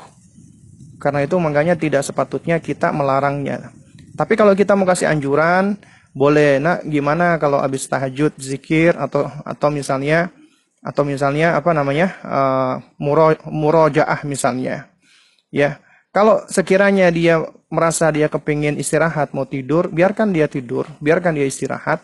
Subuh, asalkan dia subuh bangun dan ya dengan harapan setelah subuh dia murojaah. Lebih baik dia murojaah ba'da subuh, ba'da subuh dia nggak balik lagi tidur, ketimbang dia semalaman dia nggak tidur ya, uh, maksudnya setelah sholat malam dia nggak tidur, ya sampai dia sholat subuh, kemudian ba'da subuh dia akhirnya tidur. Ya ini malah kurang baik karena kenapa? Karena memang ada ada uh, akwal dan riwayat dibencinya tidur ba'da subuh. Ya. Nah, dan di dalam kaidah jelas ya tidur ba'da sholat apa namanya taraweh kita belum dapat itu ada riwayat riwayat yang saya tahu ya. Eh, sependek pengetahuan saya itu yang menunjukkan makruh atau dibenci. Tapi kalau ba'da subuh ada. Nah karena itu makanya kita kita lebih baik ya biarkan anak kita tidur ba'da sholat malam. Itu sudah sholat malam aja udah bersyukur bu. Alhamdulillah Ya, itu nikmat dari Allah. Dan mudah-mudahan ini adalah suatu hal yang terus-menerus dia dia apa lakukan ya. Dengan istiqomah. Nah, asalkan dia ketika waktu subuh dia bangun, nah mungkin ketika bangunnya apa ba'da apa ketika ketika subuh ya, kemudian dia sholat subuh, nah dan ba'da subuh itu akhirnya itu lebih banyak apa itu di antaranya juga banyak fadilah di di situ. Di antaranya ya ketika misalnya dia ba'da sholat fajar berjamaah kemudian dia duduk ya sampai uh, apa namanya sampai datangnya waktu suruh kemudian dia sholat dua apa rakaat maka dia seperti mendapatkan dia pahala apa namanya pahala uh, apa umroh ya. Dan Nabi ulangi ya pahala umroh apa tamatan tamatan tamatan sempurna sempurna sempurna sebanyak tiga kali. Artinya ya ada keutamaan keutamaan memang ketika sepertiga malam terakhir ketika sholat tahajud itu memang waktu yang yang yang baik ya. Ya waktu yang utama. Kita banyak beristighfar kepada Allah. Tapi ketika dia sudah sholat kemudian dia sudah berzikir kemudian dia mau tidur biarkan dia tidur. Ya dan kemudian anjurkan dia untuk murojaahnya ba'da subuh. Karena murojaah ba'da subuh insya Allah lebih baik. Ya pikiran juga masih kosong. Kondisi fisik juga udah udah fit ketimbang dia dipaksa ya murojaahnya adalah ba'da sholat tarawih nanti pada subuh dia ngantuk malah. Ya wallah alam bisawab. Taib. Pertanyaan berikutnya. Dari yang recent lagi ya Ustaz. Ya boleh. Silakan Ibu Ina Kusuma Dewi.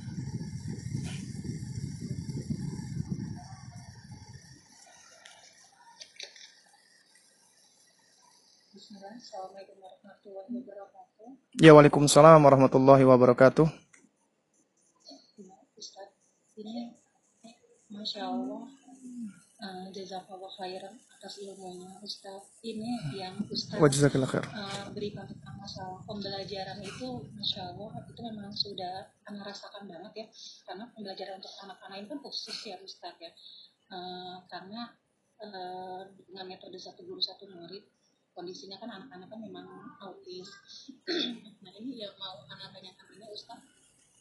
Anak-anak ini sebenarnya kalau dalam hal fokus insya Allah sudah mulai bisa.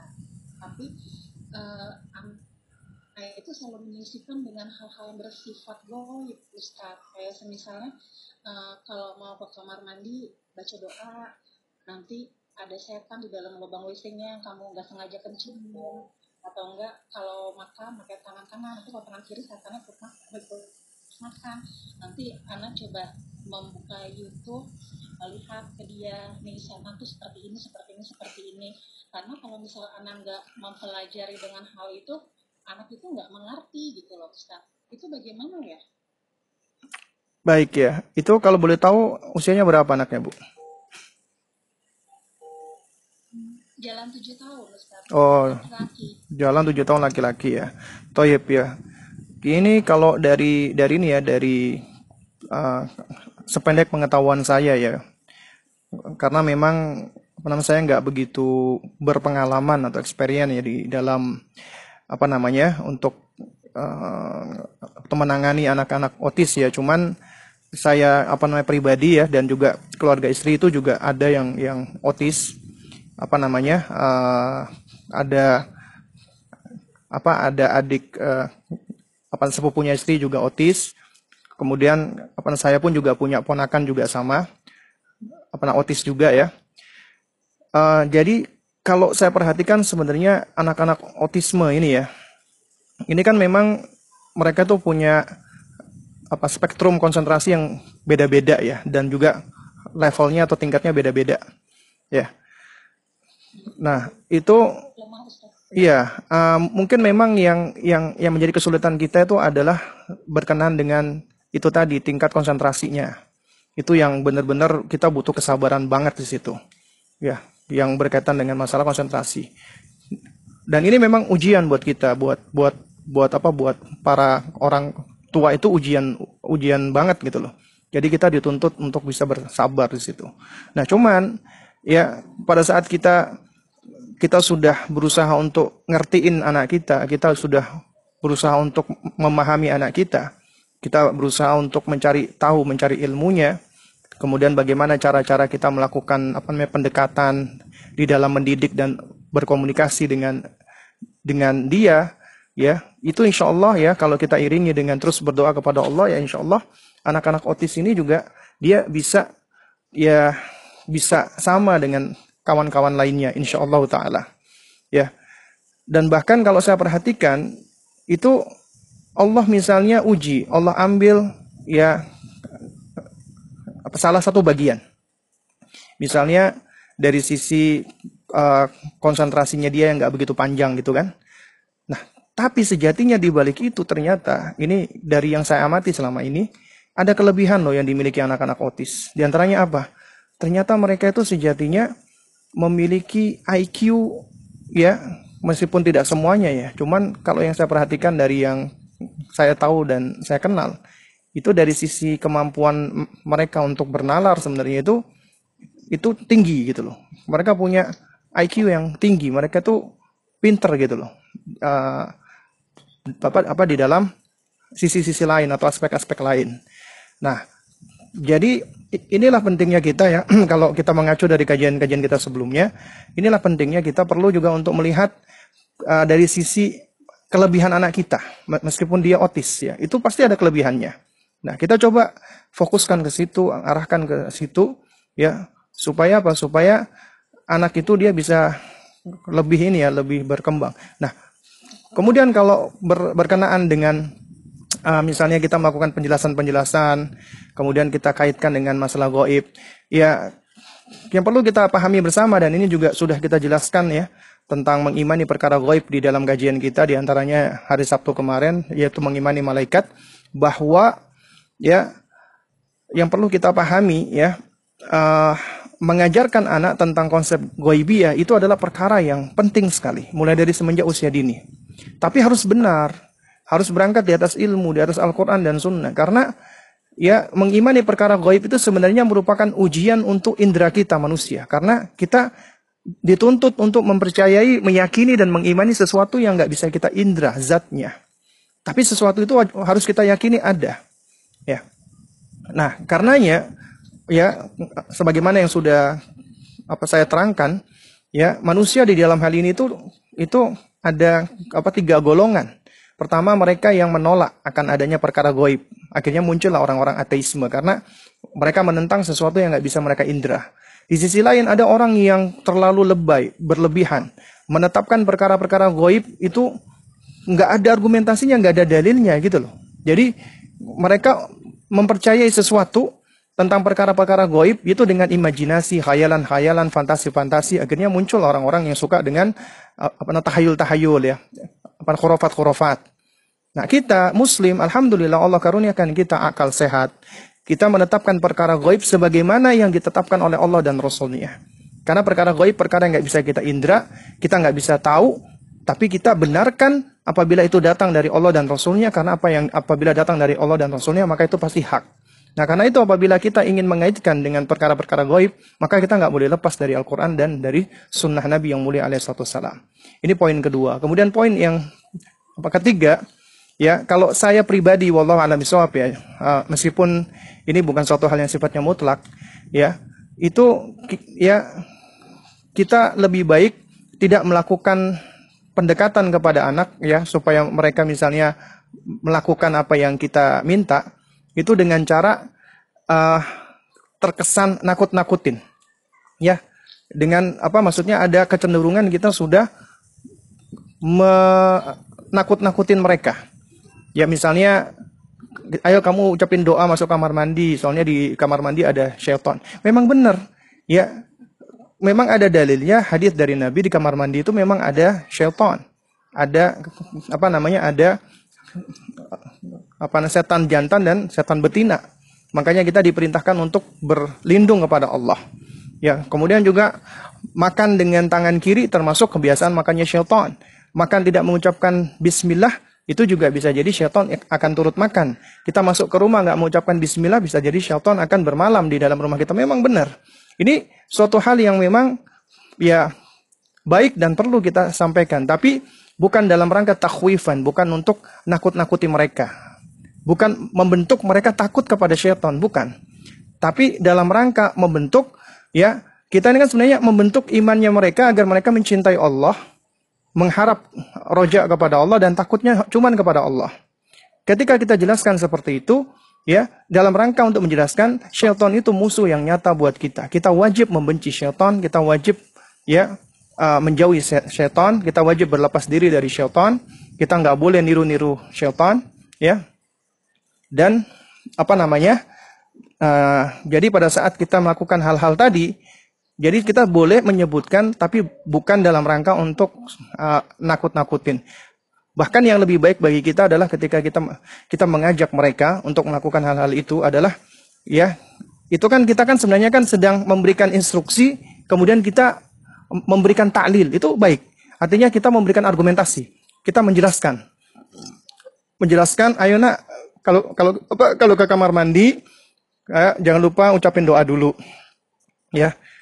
Kemudian kita jelaskan alasannya kenapa, alasannya kenapa. Nah, ini disebut dengan taklil taklil sebelum kita memberi perintah ataupun sebelum kita uh, melarang itu baik ya karena itu akan merangsang uh, daya nalar dan kognisi anak kita itu bagus tapi tentunya ya alasan atau taklil itu yang perlu kita perhatikan yang pertama kita sesuaikan dengan usianya ya karena tidak tidak tidak tepat anak usia tujuh tahun kita sudah takut-takutin apalagi kita takut-takuti dengan syaitan kalau memang itu ya uh, tujuannya atau dampaknya anak menjadi takut dengan setan. Jangan.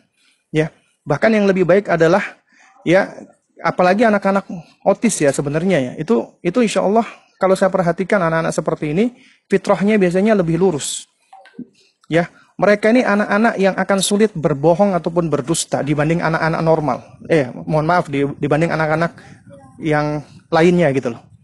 Ya, anak-anak otis biasanya dia itu ya ketika dia sudah sudah fokus dengan dengan satu hal ya, dia itu akan berusaha untuk terus ya. Nah, cuman bedanya anak-anak otis ini ya ketika dia sedang fokus dia tuh nggak bisa apa namanya terganggu gitu loh dengan yang lainnya. Ada suara-suara dia bakal berasa terganggu. Ada ada yang ribut ada ini. Jadi memang ada ada apa namanya ada spektrum yang apa spektrum konsentrasinya itu yang uh, bisa ter, terganggu dengan adanya uh, apa mungkin menurut anak-anak biasanya itu tidak mengganggu tapi untuk mereka bisa suatu hal yang sangat apa namanya mengganggu banget tapi di sisi lain ketika mereka sedang fokus dengan sesuatu itu biasanya mereka akan habis-habisan di situ akan apa namanya all out gitu loh. Jadi uh, mereka itu bisa menghasilkan karya yang luar biasa anak-anak anak-anak otis. Dan ini saya lihat dan saya perhatikan pada ya itu tadi ada dari uh, apa sepupunya istri ataupun juga dari apa keponakan apa saya gitu loh. Bahkan uh, adiknya adik sepupunya istri dia itu punya kemampuan luar biasa ketika dia mendengar sesuatu dia itu bisa niru ngucapin Artinya kemampuan dia menghafal apa yang dia dengar itu sangat luar biasa.